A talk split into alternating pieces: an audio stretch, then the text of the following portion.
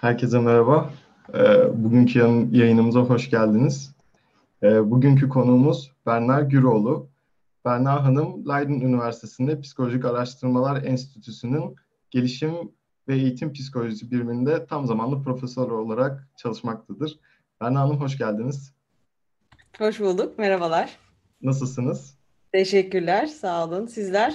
Biz de iyiyiz, çok teşekkür ederiz. Her şeyden önce yayın e, teklifimizi kabul ettiğiniz için bir kez daha size teşekkür ederiz. E, korona günleriniz nasıl geçiyor Hollanda'da? Sağlığınız ee, yoğun geçiyor. Üç çocuğa bir de evden eğitim verme dönemini kapadığımız için e, memnunum. Her şey sizin yanınızda iyiyse e, biz buna sevindik. Evet. E, sizi biraz tanıyabilir miyiz? Kendinizden bize biraz bahsedebilir misiniz? Tabii. E, nereden başlasam diye düşünüyorum. E, İzmir doğumluyum. E, İstanbul'da e, yalnız çocukluğumdan beri İstanbul'da e, büyüdüm.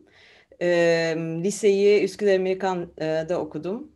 E, lise sonrası e, Koç Üniversitesi'nde e, önce fen e, e, kimya bölümüne girdim. Oradan matematiğe geçiş yaptım. Matematik sonucu e, ondan da vazgeçip e, psikoloji okumak istediğime karar verip e, psikoloji doktorası yaptım. E, 2002 yılından beri e, Türkiye'de oturmuyorum. E, ilk önce bir süre Almanya'da oturdum. E, 2008'den beri de Hollanda'da Leiden'de oturmaktayım. Teşekkürler. Ee, bize biraz ortaokul ve lise eğitiminizden bahsedebilir misiniz? Amerikan Lisesi'nde okudunuz. Bunun size e, ne gibi bir getirileri oldu? Ee, uf. ben e, Üsküdar Amerikan'da okuduğumda, girdiğimde e, kız lisesiydik. E, sırf kız. E, dolayısıyla e, bizim dönem sırf kız olarak e, bitirdik liseyi. Biz e, orta sondayken e, erkekler alınmaya başlandı. İlk erkekler o zaman geldi. Dolayısıyla bitirdiğimiz son üç senemiz karma e, olarak geçse de kız lisesinde okudum. E, bana bu soruyu o zaman sorsaydınız büyük ihtimalle çok şikayet edebilirdim e, Üsküdar Lisesi'nden. Ne kadar e, e, disiplinli olduğundan, e, e, sınırlarımızın e, bayağı kısıtlı olmasından. Ama geriye dönüp baktığım zaman aslında öyle olmadığını görüyorum, düşünüyorum. E, do, e, çok büyük getirileri e, oldu. E, her şeyden önce e, dil eğitimi olarak. Yani İngilizceyi ana dili e, gibi konuşabilmek e, büyük büyük bir e, artı bence. Onun ötesinde biraz da e, kız lisesi eğitiminin de getirdiği bir şey olarak e, hani istediğini yapabilirsin. E, kuvvetli olmak, istediğini yapabilmek. E, bunları çok erken yaşta aslında e, farkında olmadan bize verdiğini şimdi şimdi daha iyi anlıyorum. Çok teşekkürler. Ee, peki Koç Üniversitesi Matematik bölümünde okuduğunuzu ve mezun olduktan sonra önce Almanya'da yaşadığınızı, şu anda da Hollanda'da yaşadığınızı söylediniz. Ee, psikolojiye olan ilginiz nasıl başladı? Yani önce matematik okumuşsunuz ama daha öncesinde fen bilimlerine girmişsiniz. Hı hı. Ee, psikolojiye olan ilginizi nasıl keşfettiniz? Yani şöyle anlatayım biraz daha geriden belki. Üniversite sınavında yani biliyorsunuz Türkiye'de e, çok e, erken yaşta belli bir karar vermek gerekiyor en anı, kaba karar, karar olarak da e, e, sosyal mi fen mi kararı. O noktada benim için karar çok net olarak fendi. E, bana çekici olan kısmı da e, fizik, kimya, matematik olsun. Önünde bir soru var. Sorunun bir cevabı var. Lagaluga etmek yok. Doğru cevabı buluyorsan puan alıyorsun. Bu kafadan böyle. E, o bana çok hitap etti. Hep sanki e, sosyal bilimler işte o zaman e, sosyoloji, tarih, e, psikoloji derslerinde böyle hani o da olabilir, bu da olabilir. Hiçbir şey belli değil, tam bilemiyoruz. Bir sürü etken var. E, e, o bana o an hitap etmediği için fen diye gittim. Dolayısıyla fen yazdım. E, kimyaya girdim. E, Koç Üniversitesi'nde eğitim e, şu an nasıl gerçi sistem tam olarak bilmiyorum ama o zaman e, ilk sene biraz daha Amerikan eğitimi tarzında herkes ortak ders alıyor. E, ikinci seneden sonra e, kendi alanında ders almaya başlıyorsun gibiydi. E, ilk sene kimyaya girdim ama öyle kimya üzerine çok özelleşmedik ama o senenin sonunda ben illa matematik okumak istiyorum diye düşünüp matematiğe geçiş yaptım. Dolayısıyla asıl matematik okumaya hani ikinci seneden sonra e, e, matematik dersleriyle matematik okumaya başladım ve bi, bitirdim. Bitirmeden önce ama ilk birkaç sene çok e, heyecanlı ve iyi başlamış olmakla beraber sonlara doğru ben ne yapacağım matematik okuyup matematik e, e, hani bu nereye gidiyor diye bir düşünce. E, ikincisi e, seçmeli ders e, yani belli almamız gereken dersler vardı. Bir de yanında seçmeli ders alabiliyorsunuz. Son iki sene bir baktım bütün seçmeli derslerim psikolojiden. Ee, oradan böyle bir ışık yanmaya başladı. Hani ben niye, niye matematik okuyorum aslında demek ki en sevdiğim okumak istediğim şeyler psikoloji dersleriymiş diye. Ee, son seneme girmeden önce de e, Koç Üniversitesi'nin e, yaz kampı olurdu çocuklara. E, orada gönüllü olarak çalıştım. O, o dönemde benim için çok etkileyici oldu. Hani çocuklarla birebir e, e, yoğun vakit geçirdikten sonra gerçekten hani çocukları daha iyi anlayabilmek üzerine gelişim psikolojisine çok ilgi duyduğumu e, fark ettim. E, o zamanlar e, hocalarımızdan bir tanesi rahmetli Çiğdem Kağıtçıbaşı e, bütün derslerini alıp beni gerçekten psikoloji konusunda heyecanlandırmış olan e, hocalarımdan bir tanesi.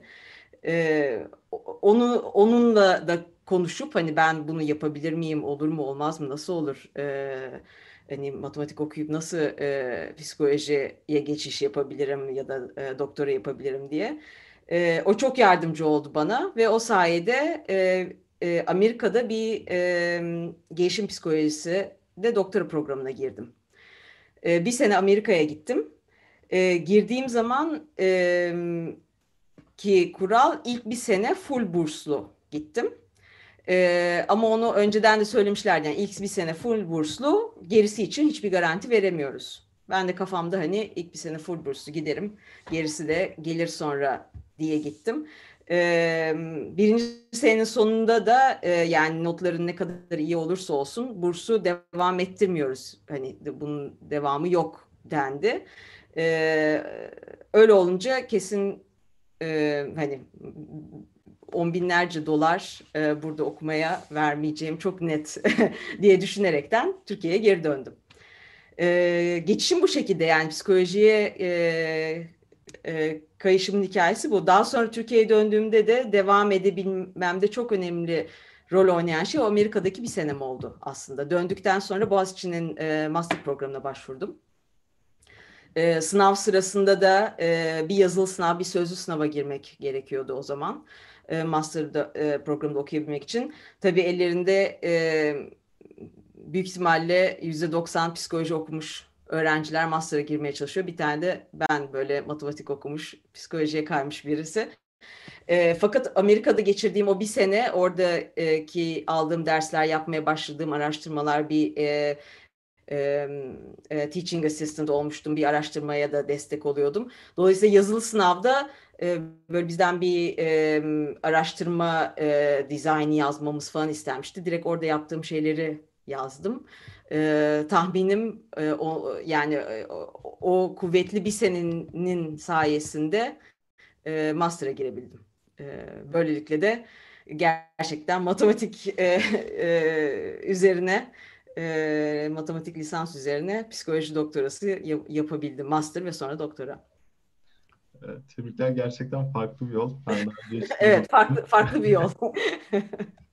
Peki sormak istediğim şey matematikte aldığınız lisans eğitiminin size psikolojide ki yürüdüğünüz yolda bir katkısı oldu mu? Olduysa bu katkılar nelerdi? Kesinlikle oldu. Ee, şimdi çok kerelaka gibi gözüküyor. Fakat e, e, benim burada da gözlemlediğim psikoloji okuyan öğrencilerin çoğunluğunun en büyük derdi istatistik ve matematik. Gelen öğrencilerin çoğunluğu çünkü benim tersime e, fenden matematikten kaçıp sosyale kaymış. Ben matematik işte çok zor anlamıyorum, yapamıyorum, yapmak istemiyorum düşüncesiyle gelen e, hepsi değil tabii ki. E, ama e, e, böyle büyük bir grup öğrenci de var. E, ve psikoloji için e, istatistik çok önemli. Dolayısıyla iyi istatistik yani aldığım matematik eğitiminin o anlamda e, çok katkısı oldu.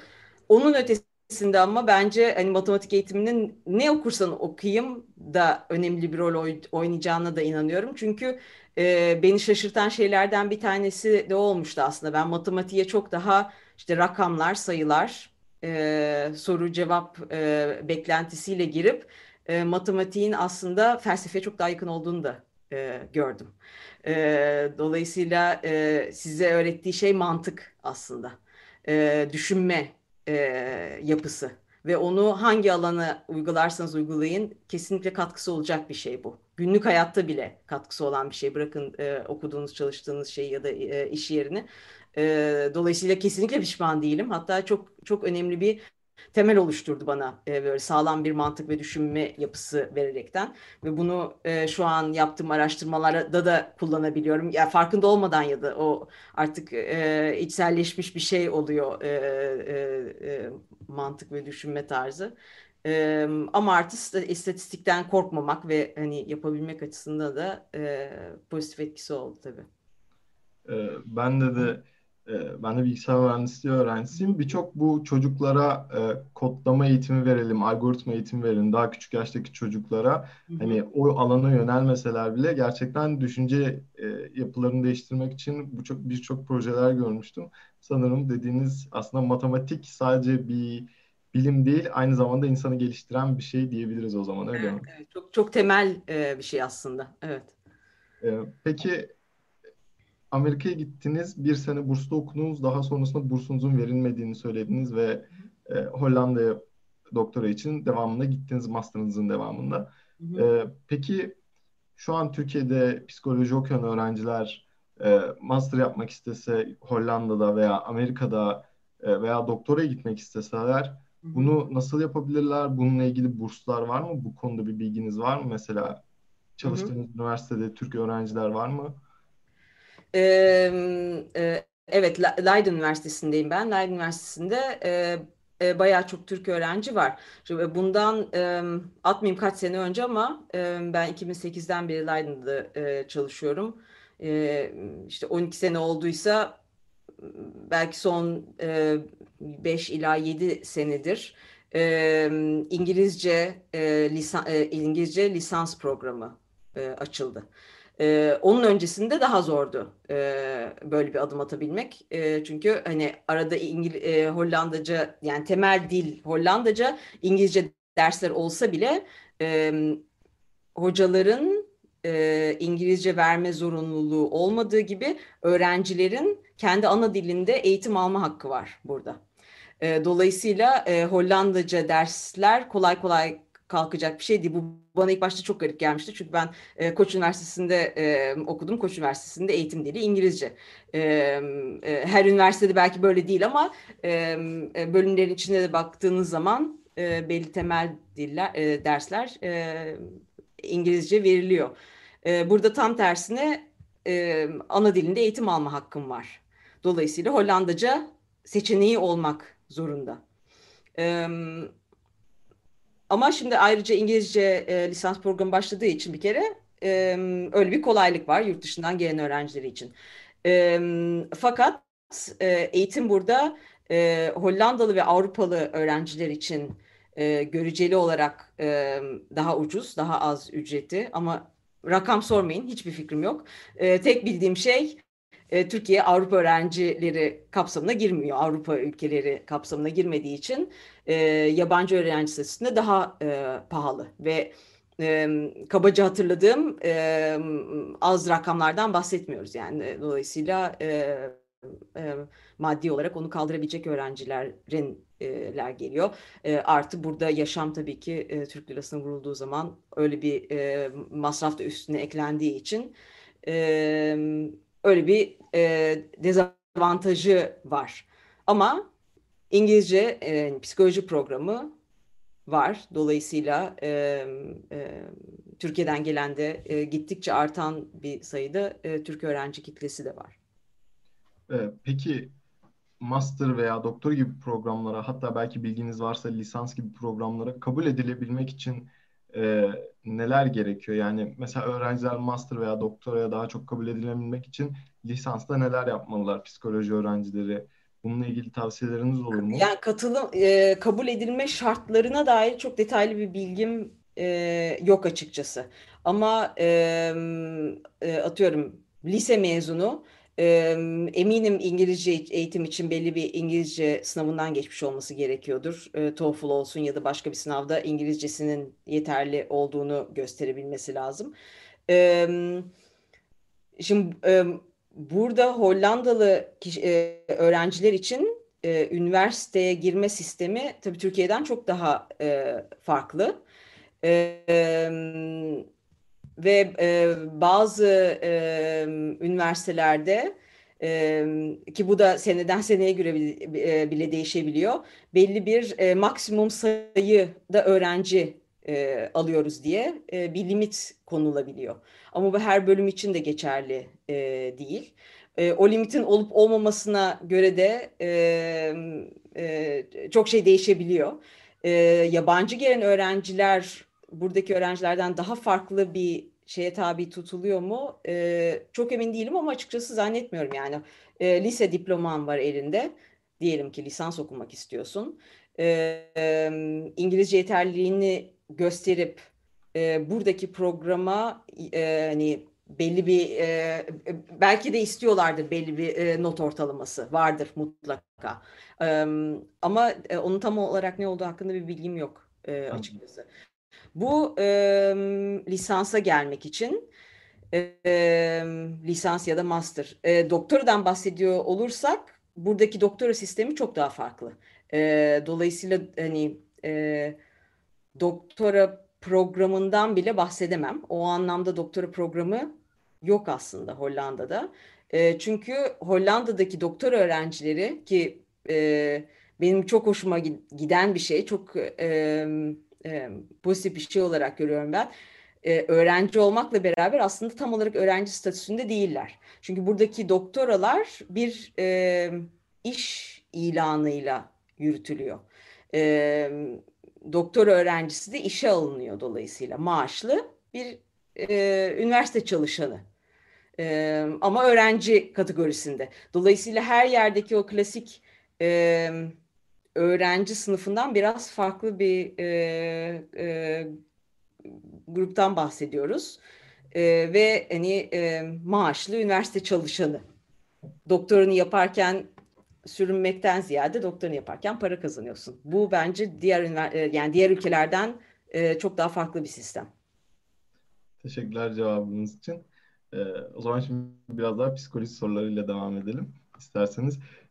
Şöyle bir soru gelmiş. Psikoloji eğitiminizi çoğunlukla gelişim psikolojisi üzerine devam ettirmişsiniz ve sonrasında nöropsikoloji alanında çalışmalara yöneldiğinizi biliyoruz. Bu alan çalışmalarının dışında psikolojide hangi alt dallara ilginiz vardı diye. Evet temel ilgim gelişim psikolojisiydi ama gelişim psikolojisinin içinde de sosyal gelişim özellikle benim çok ilgimi çekiyordu. Dolayısıyla yaptığım araştırmalar aslında sosyal psikolojiyle e, kesişen e, e, alanlar. E, ve benim başlangıç noktam ilk başta e, evet e, çocuklar nasıl yetişkin oluyorlar, nasıl değişiyorlar e, e, bu e, prosesi an, anlayabilmek.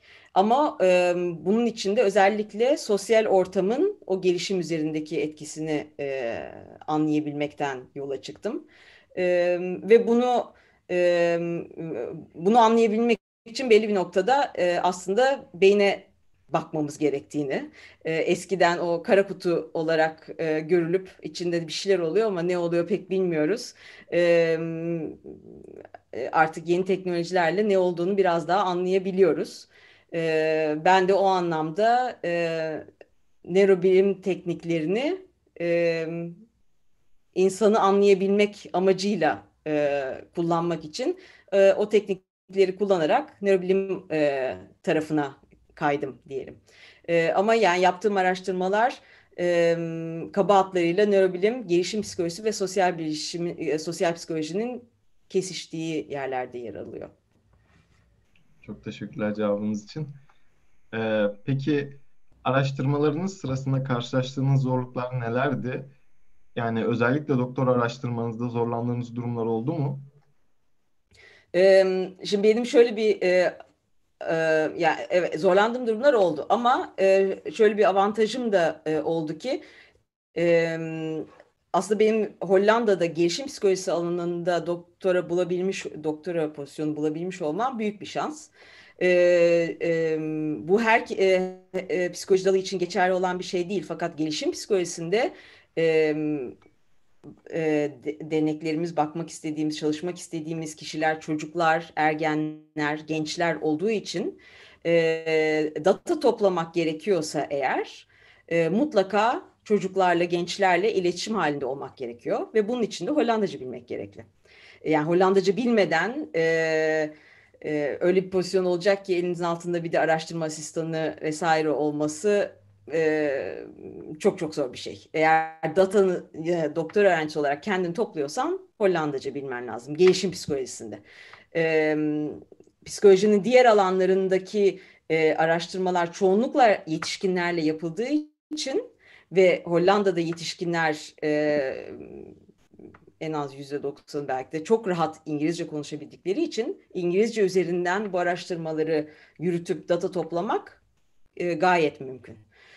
E, fakat dil e, gelişim psikolojisinde özellikle bir e, bir sorun. Benim şansım doktora e, başvurduğum doktora programı için e, ellerinde çok büyük bir data setleri var ve bu data setinle e, e, yani ellerinde olan data setiyle araştırmaları yapıp analizleri yapıp e, e, makaleleri yazacak birisini arıyorlardı. E, o noktada onları da tabii benim böyle e, matematik okumuş birisi olarak e, analiz yapma isteğiyle gelmiş olmam e, e, tez hocamı da çok heyecanlandırmıştı. Tam aradığımız gibi birisi. Hollandaca bilmene de gerek yok. E, süper oldu. Ben de inanılmaz e, mutlu oldum ama çok çok büyük bir şans. E, bana e, e, burada staj yapmak için mesela e, çok e, talep geliyor. E, Hollanda'da Erasmus programıyla mesela özel, özellikle. Maalesef çoğuna verdiğim cevap e, yapacak yani staj yaparken e, gelen öğrenciler bizim yürüyen araştırmalara e, tabii ki istiyoruz ki katkıda bulunsunlar. Hem onların öğrenmesi için hem de bizim araştırmalarımıza katkıda olmaları için iki taraf için de e, gayet hani e, e, verimli bir kombinasyon oluyor. Fakat Hollandaca bilmeden Türkiye'den öğrencileri almamız gayet zor. Ancak öyle denk gelecek ki elimizde data seti var. O da onların istediğine uyuyor vesaire. E, o zaman kabul edebiliyoruz. Ama e, gelişim psikolojisinde dil e, önemli bir nokta. Çok teşekkürler. Ee, peki başka bir soru.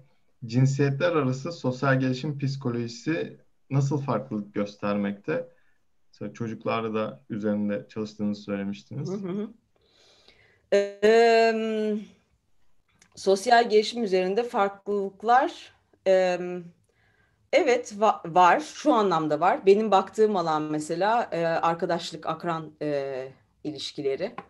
E, söyleyeceğim şey belki e, hani kimseyi çok fazla şaşırtmayacak bir şey e, olacak. Çünkü çok e, tipik düşünülen kız erkek farklarını biz de bulabiliyoruz. Kızlar e, işte empati, diğerleri anlay diğer kişileri anlayabilmek, olaylara başkalarının bakış açısından bakabilmek gibi anketlerde daha yüksek e, çıkıyorlar erkeklerden. E, arkadaşlık e, ilişkilerinin e, kalitesi diyeceğim. Bu da ne demek? Ne kadar çok işte karşılıklı birbirlerine destek oluyorlar, e, bir şey paylaşıyorlar, e, hani duygularını, düşüncelerini paylaşıyorlar e, ne kadar az kavga ediyorlar. Bu tür kavramlarda da yine kızlar daha kuvvetli çıkıyor. Fakat şunu söylemeliyim ki aradaki farklar çok küçük. Yani bunlar ne derece e, anlamlı farklar e, her zaman çok anlamlı farklar değil.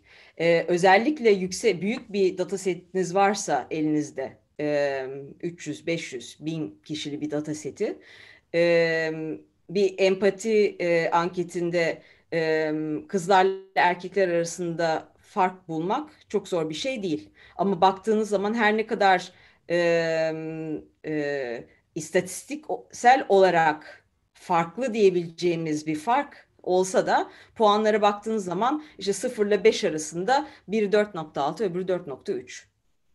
Ama e, istatistik testini yaptığınız zaman evet farklılar. Kızlar daha yüksek. E, ama o fark e, ne kadar yani ne, ne derece anlamlı gerçekten kızların empatisi çok daha kuvvetli diyeceğimiz bir fark da e, olmuyor. Bunu da e, eklemek istiyorum çünkü e, e, ve de e, şunu da söyleyeyim, e, beyin gelişimini, benim alanım bir de bunların beyin gelişimiyle olan ilgisi. E, beyin gelişimine baktığımız zaman da kızlarla erkekler arasındaki farklar çok küçük. E, öyle ki e, yani sırf kızların grubunun içine ya da sırf erkeklerin içine bakarsanız e, e, kişiler arasındaki farklılıklar ortalama grup olarak baktığınız zaman kızlar ve erkeklerin arasındaki farktan daha büyük olabiliyor. E, yani şu demek ki kızların arasında erkek gibi kızlar, erkeklerin arasında kız gibi erkek e, kız gibi erkekler diyebileceğiniz kişiler mevcut. Dolayısıyla orada o kadar büyük bir yelpaze var ki e, ortalamalara baktığınız zaman e, kızlar ve erkekler birbirinin yani arasındaki farklar çok daha anlamsız e, e, kalıyor. Bu ama e, beyin araştırmalarında çıkan e, sonuçlar bunlar. E, bir de her zaman e, kızlarla erkekleri bizim beyin araştırmalarında karşılaştırmamız çok kolay olmuyor. Çünkü e, e, nörobilim dalında bir araştırma yaptığınızda e, yaklaşık 30 kişiyle anlamlı sonuçlar, kuvvetli sonuçlar alabildiğiniz diyor, alabiliyorsunuz. E, ama bir de bunların arasında ben kız erkek arasındaki farklara bakmak istediğimde en iyi ihtimalle 15 kız 15 erkekten bahsediyorum. E, bunlar e, bu tür bir farkı incelemek için çok küçük e, çok küçük rakamlar. Dolayısıyla o tür farklara bakabilmek için e, çok büyük data setleri lazım. E, ve nörobilim alanında e, MR araştırmalarında büyük data setlerini ni toplamak da e, çok zor. E, e, zor, çok uğraşılı e, ve e, çok daha büyük fonlar gerektiren e, araştırmalar. Çok teşekkürler cevabınız için. Bu konudan devam edeceğim ama e, öncesinde bir soru gelmiş. E, Hollanda'da e, Hollandaca bilmek gerekiyor dediniz özellikle sizin alanınızda. Doktora ya da yüksek lisansta Hollanda'da Hollandaca öğrenmek için dil desteği veya bunun için yönlendirmeler yapılıyor mu diye bir soru gelmiş.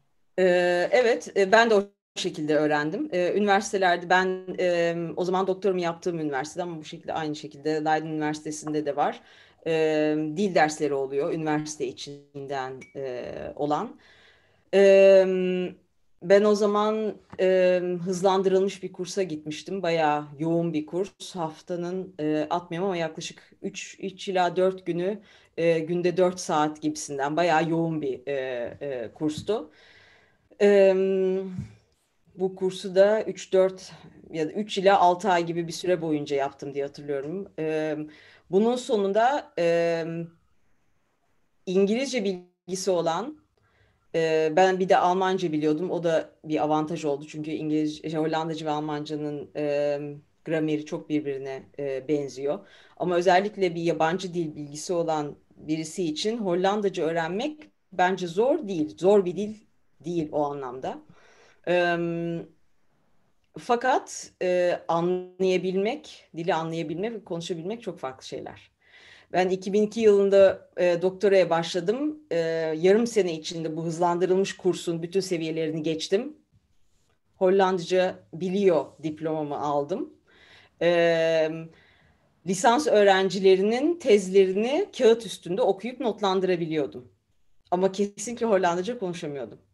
Dolayısıyla e, Hollandaca konuşabilecek seviyeye gelmek o biraz daha e, biraz daha zorlu bir yol. Kağıt üstünde Hollandacayı öğrenmek çok zor değil bence. Ondan sonrası biraz insanın e, ne kadar inatla bunu yapmak istediğine e, e, bakıyor açıkçası. E, ve e, bir dezavantaj Hollanda'da herkes İngilizce biliyor. E, dolayısıyla Hollandaca konuşmak zorunluluğu birçok kontekste az.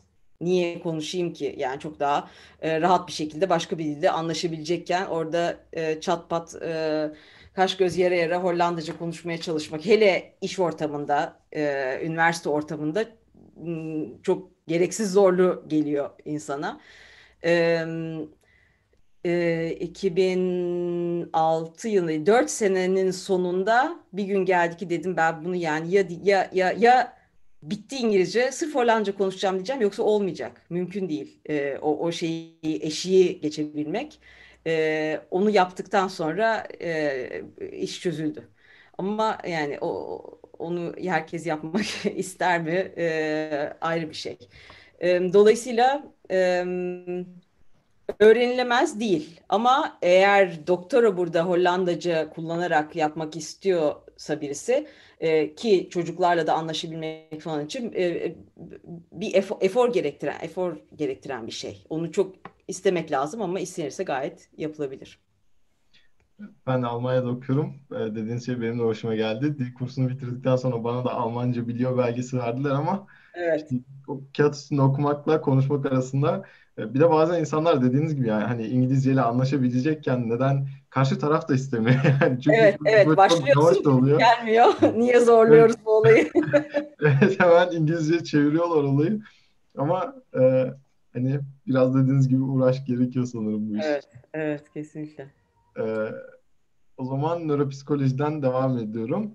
Nöropsikolojik testler nedir? Nasıl uygulanır? Biraz, bize biraz bahsedebilir misiniz? Yani büyük data setlerinden bahsettiğiniz veri setlerinden e, hı hı. bu işin bazı kısmında çok büyük araştırma fonları gerektiğinden bahsettiniz. E, bunları bize biraz açıklayabilir misiniz? Evet, şimdi e, benim e, yaptığım araştırmalar e, gelişim psikolojisinden yola çıkıyor e, araştırmaların e, hala e, çok temel bir alanı insan davranışları, insan düşüncesi, davranışlarına bakmak ve bunu anlayabilmek. E, bunu anlarken de beyine bakmak için MR tekniğini e, kullanıp e, hem beynin yapısına hem de beynin aktivasyonuna e, e, bakıyorum.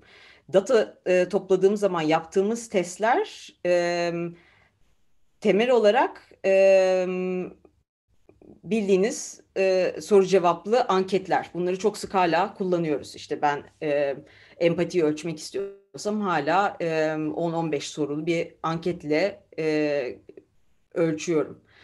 E, ama bunun yanında e, bunları hem e, beyinde neler oluyor ya bakabilmek için e, MR sırasında e, hani fonks- beyin fonksiyonunu, beyin işlevini ölçebilmek için e, belli e, belli paradigmalar kullanmak gerekiyor ki beyinde ne zaman ne oluyoryu e, ölçebilelim. E, o noktada kullandığım e, kullandığım paradigmalardan e, önemli bir kısmı e, bu e, game theory'ye e, yani game e, e, oyun oyun teorisi oyun teorisine bağlı olan e, çok basit e, para alışverişi üzerine kurulmuş olan oyunlar. Bunları neden kullanıyoruz? Çünkü e, o kadar basit oyunlar ki hem çocuklar yapabiliyor ama aynı zamanda ergenler ve yetişkinlerle de ölçebiliyoruz. E, ve bunu MR ortamında e, ölçmek istiyoruz. MR ortamında belli bir şeyi ölçmek istediğiniz zaman bazı e, kısıtlamalar var. En basitinden mesela e, MR ortamı çok e, sesli bir ortam.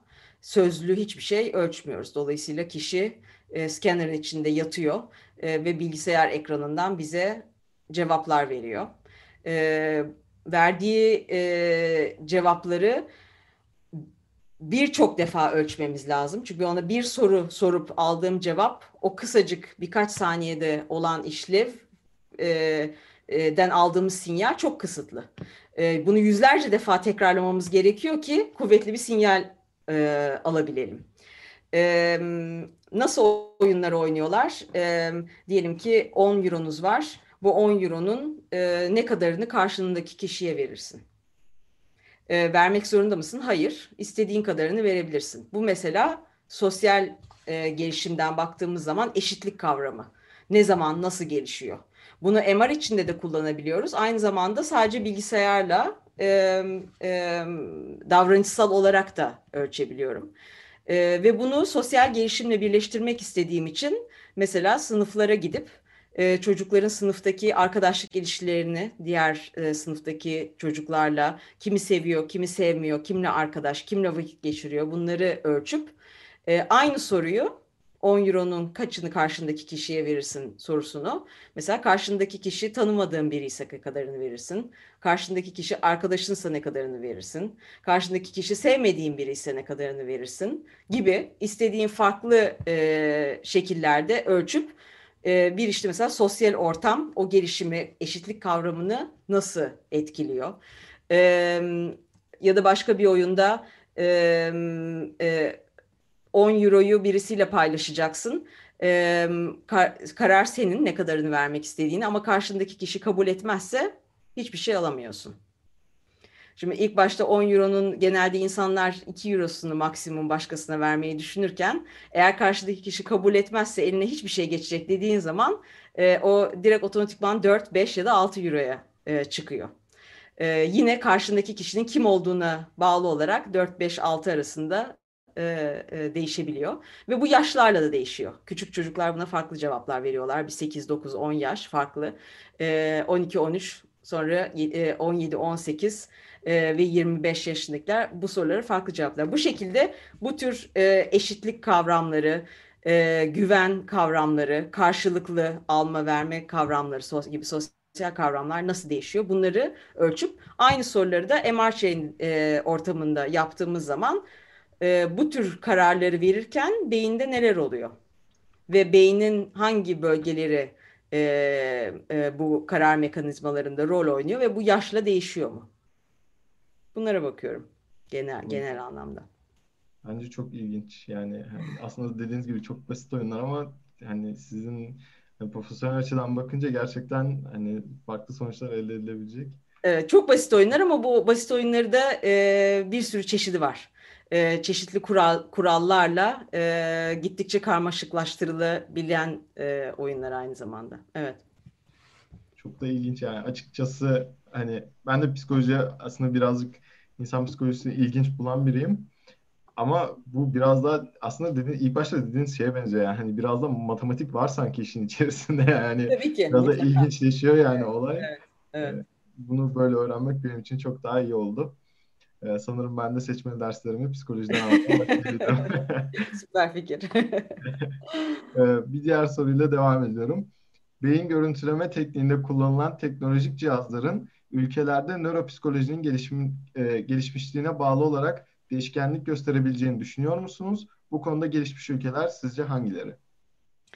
Ee, şimdi soruyu doğru mu anlıyorum? Ee, e, cihazlar ülkelerin gelişmişliğine bağlı olarak farklı olabilir mi? Bu, bu mu soruyu doğru anlıyor muyum? Ee, şimdi yani bu e, görüntüleme cihazları e, pahalı cihazlar. E, dolayısıyla e, e, özellikle araştırmaya adanmış bu tür cihazların e, bulunabilmesi e, evet gelişmiş ülke ya da hani parası olan ülkeyle Yok, o soru biraz da aslında şeydi ülkelerdeki e, nöropsikolojinin gelişmişliğine bağlı olarak.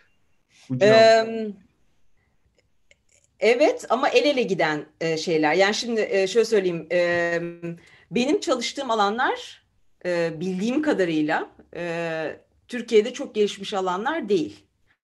E, ama bunun sebeplerinden bir tanesi de gayet maddi olarak bu tür cihazların bulunamaması, bu tür cihazları alacak ve yürütecek e, ve e, kullanmaya devam edecek araştırma fonlarının e, yetersizliğinle doğru orantılı olarak e, tabii dolayısıyla teknik yapı olmadığı zaman e, alanda o ülkede kullanılamıyor ve geliş, gelişemiyor. E, yani baktığım zaman benim benim kendi alanımda e, hani e, kuvvetli ülkeler e, Amerika mutlaka Amerika'da bir sürü çok e, çok iyi laboratuvar var. E, e, gelişim nörobilimi e, üzerine çalışan. E, İngiltere e, ve Hollanda çok kabaca e, hani sınıflamak gerekirse bu üç ülke benim alanımda e, en en e, hani önde giden araştırmaları çıkaran e, ülkeler. E, bu demek değildir ki hani bir Almanya'da e, hani e, yok mu bu cihazlar mesela? E, mutlaka vardır ama e, bir şekilde benim yani e, gelişim nörobilimi konusunda e, çok fazla çalışan insan yok. Ama bu mesela o noktada e, e, ülkenin maddi gelişimiyle alakalı bir şey değil. Çünkü e, mutlaka MR cihazları e, Almanya'da da var. E, bu alanda çalışan kişiler de var ama e, diğer ülkelerde olduğu kadar çok fazla değil belki. Teşekkürler cevabınız için.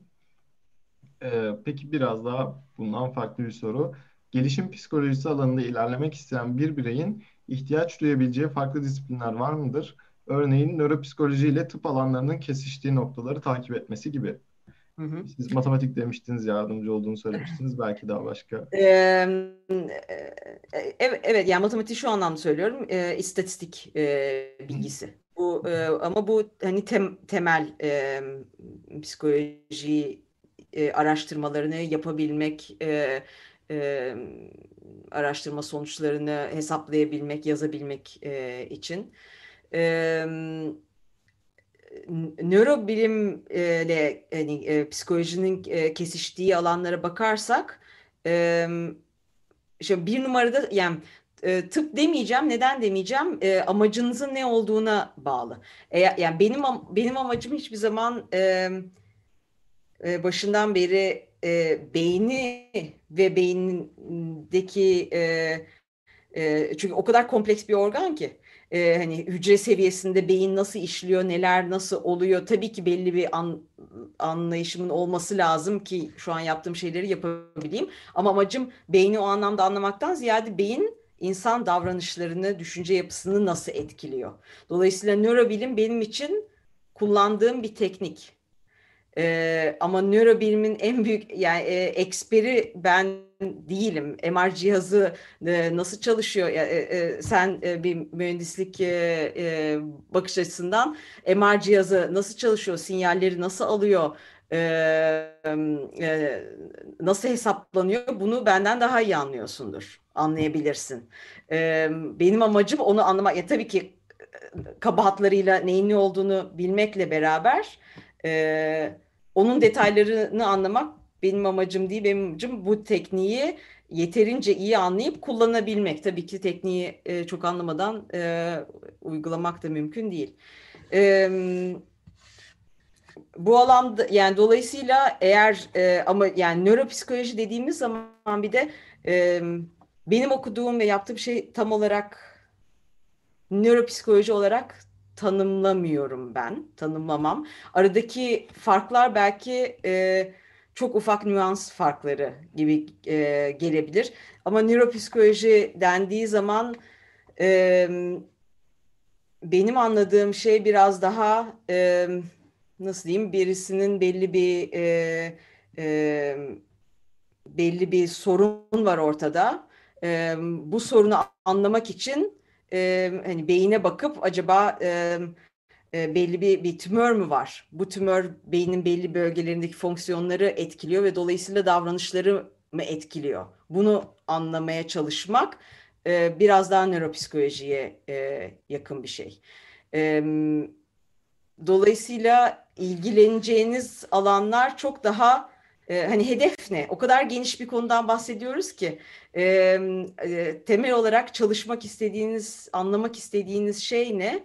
E, ona bağlı olarak e, ama biyoloji, biyoloji de mesela e, kesinlikle destek olabilecek bir şey. Burada e, temel eğitim olarak, lisans eğitimi olarak biyoloji almış. Ondan sonra e, bilişsel nörobilim çalışmış master öğrencileri bize mesela doktora programına geliyorlar. Böyle e, background'lı öğrenciler de e, var mutlaka. Dediğim gibi amaç hani ilgi alanı ne? E, onu bilmeden çok kaba bir şey söylemek biraz daha zor. Teşekkürler cevabınız için. Ee, şimdi gelen sorumuz iki kısımdan oluşuyor. Bir de biraz uzun bir soru. Hı hı. Ee, isterseniz okuyayım sonra tekrar e, parça parça da okuyabilirim. Hı hı. Ee, ergenlik dönemlerini sıkıntılı yaşayan bireylerin ilerleyen süreçte sapma davranış göstermeleri muhtemel midir? Toplum tarafından suçlu olarak görülen, örneğin seri katiller gibi bireylerin genellikle çocukluk hatıralarında travmaların olduğu gösterilmekte. Sizin bu konudaki düşünceleriniz nelerdir? Sosyal etkileşim bu süreçte nasıl etkiler? Hı hı. Ee, hatırladığım kadarıyla dönüyorum. Ergenlikte sorunlu dönemler geçiren kişilerin yetişkinlikte sapmalı davranışlar göstermeleri muhtemel midir? Muhtemel midir? Ee, şöyle diyeceğim. E, ergenlikte e, şimdi her şeyden önce ergenlik deyince bir sürü insan evet sorunlu e, böyle e, nasıl diyeyim e, fırtınalı bir dönem e, e, çoğu kişinin aklına geliyor belki de. Bunun temelinde de ergenlik çok büyük değişiklikleri beraberinde getiren bir dönem olduğu için öyle düşünülüyor belki. Fakat aslında çoğu ergen yani yüzde olarak baktığım zaman çoğu ergen çok büyük sorunlar yaşamadan bu dönemi de atlatıyorlar. Ama ergenliğin normal bir parçası biraz biraz deney e, anlamında değişik şeyler e, denemek, e, tatmaksa e, bunlar o yapılan deneylerin ne e, derece büyük olduğuna bağlı olarak belki de sorunları beraberinde getirebilir. E, ama ben bunları normal bir ergenlik döneminden sayıyorum. Dolayısıyla sorunlu bir ergenlik olarak bu tür e, ergenliğin bir parçası olan bu e, e, deneyler, değişiklikler, e, çocuklukta görülmemiş farklı davranışlar e, ve sınırları zorlamak, sınırlarını e, test etmek anlamına yapılmış olan şeyleri sorunlu olarak saymıyorum. Eğer bunu öyle sorunlu olarak saymazsak zaten ergenlikte bu tür fırtınaları geçirmiş olan çoğu insanda yetişkinlikte gayet e, normal diyeceğim. Normalde de demek o ayrı tartışılır ama e, sorunsuzca yaşamına devam ediyor. Dolayısıyla o hani e, sorunlu ergenlik döneminin büyük bir çoğunluğu normal bir ergenlik dönemi aslında. E, bu demek değil ki evet kü- bir, küçük bir yüzde e, ergenlikte gerçekten sorunlu e, e, davranışlar göstermiş olan kişiler e, var. Bu daha küçük bir yüzde ve onların yetişkinlikte de sorunlu davranışlar gösterme ihtimalleri daha yüksek. Ama dediğim gibi ergenlikteki sorunlunun denildiği zaman ne anlaşıldığına bakar bu.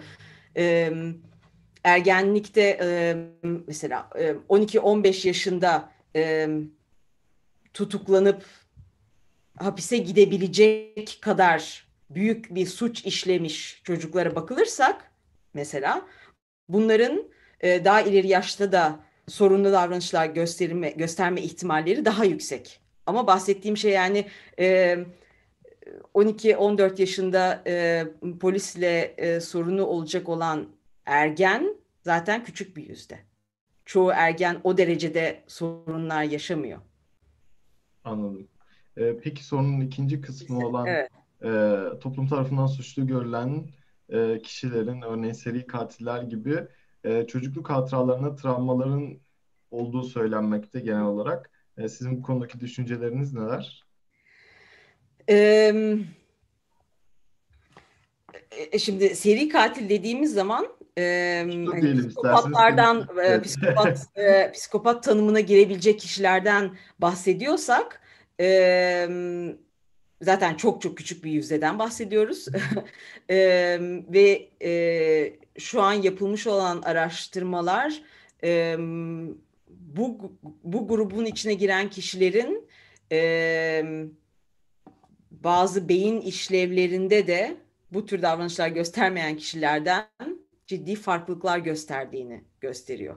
Evet benim e, yani e, benim araştırma alanıma girmediği için benim bu konu hakkındaki bilgilerimin e, çoğunluğu da ikinci elden e, gelen bilgiler olduğu için evet e, çocuklukta küçük yaşta bir travma geçirmiş olma ihtimalleri olabildiği gibi e, belki çok daha e, genetik olarak gelen e, beyin fonksiyonları ile ilgili farklılıklar da rol oynuyordur ve e, bence bu tür ekstrem durumların ortaya çıkmasında çoğu zaman rastladığımız gibi bu e, e, bir e, etkileşim aslında bir yandan hem genetik faktörler yani kişinin doğuştan beraberinde getirdiği şeyler artı içinde bulunduğu ortam. E, bu e, hani seri katiller için de geçerli olabilir ama baktığınız zaman birçok psikiyatrik e, sorun için de aynı şey geçerli. Her ne kadar e, genetik yatkınlığı varsa da bir kişinin e, belli bir hastalığın ortaya çıkmasında içinde bulunduğu, geliştiği ortam onun çık, ortaya çıkma ya da çıkmaması konusunda çok büyük bir rol oynuyor. E, özellikle çocukluk yaşları ve durumlar söz konuysa e, sorunların ortaya çıkma ihtimali e, çok daha yüksek. Bu hani e, psikopati için de aynı şey geçerli olabilir ama e, e, çok ciddi depresyon için de aynı şey geçerli olabilir. E, cevap psikolojide genelde e, ya o ya o değil ikisinin e, e, karışımı. İkisi dediğimde bir kısım genetik e, e, yatkınlıklar, diğeri ise e, çevresel etkiler, sosyal e, etkiler ve bu ikisinin kombinasyonuna bakılması e, çok çok önemli. bir sürü şey anlayabilmek için, insan davranışını ve sorunları anlayabilmek için.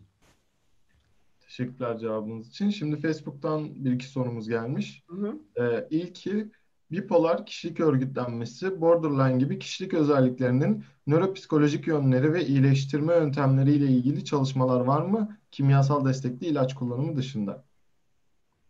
Mutlaka vardır ama e, çok bir konuşmak istemiyorum çünkü benim alanım olmadığı için e, e, benim çalıştığım alan çok daha e, baktığım şeyler e, şimdi yine normal diyeceğim ama e, hani belli e, psikolojik ve psikiyatrist e, e, psikiyatriye giren e, bozuklukların olmadığı e, grup kişilerde ki gelişimi anlamaya çalışmak üzerine. E, bu da tabii ki bu bahsedildiği gibi e, e, psikiyatrist e, e, psikiyatrik e, sorunların gözlemlendiği kişileri anlayabilmek için çok önemli bir temel. Yani sorunsuz kişilerin gelişimini anlamalıyız ki sorunlu gelişimi e, e, nereden farkların nereden geldiğini anlayabilmek için. E, dolayısıyla yani evet bu alanda yapılan araştırmalar var fakat e, benim cevap vermem gereken bir soru değil bence. Teşekkür ederiz cevabınız için yine de. Bence açıklayıcı olmuştur ben yani. Benim açımdan olsa en azından. Ee, bir diğer soru Eğitim Bakanlıkları nöropsikiyatri uzmanlarına eğitim öğretim teknikleriyle ilgili danışmanlık alıyor mu? Bu konuda bilginiz var mı? Eğitim Bakanlıkları e, bir daha tekrarlayabilir misin? Tabii Eğitim Bakanlıkları nöropsikiyatri uzmanlarına eğitim öğretim teknikleri ile ilgili danışmanlık alıyor mu? Yani soruyu soran arkadaşımız böyle yazmış ama belki hani e, Eğitim Bakanlığındaki insanlar hani belki hani, bunun üzerine eğitim e, alıyorlar mı? Bir soru Bilmiyorum. olabilir. Hiç bilmiyorum. Teşekkürler. Ee, e, yani e, eğitim e, şöyle söyleyeyim e, ya da hani bu soruya benim en yakın cevap verebileceğim şey e, okullarda çalışan öğretmenlerin e, çocukların ve ergenlerin sosyal gelişimi üzerine eğitim alıp almamaları üzerine çalışmalarımız var şu an. E, ve e, hayır eğitimlerinin içinde çocukların sosyal gelişimini anlamak üzerine olan öğrendikleri şey e, böyle yarım saatlik bir bilgi üzerine falan e, dayalı. Çok çok kısıtlı.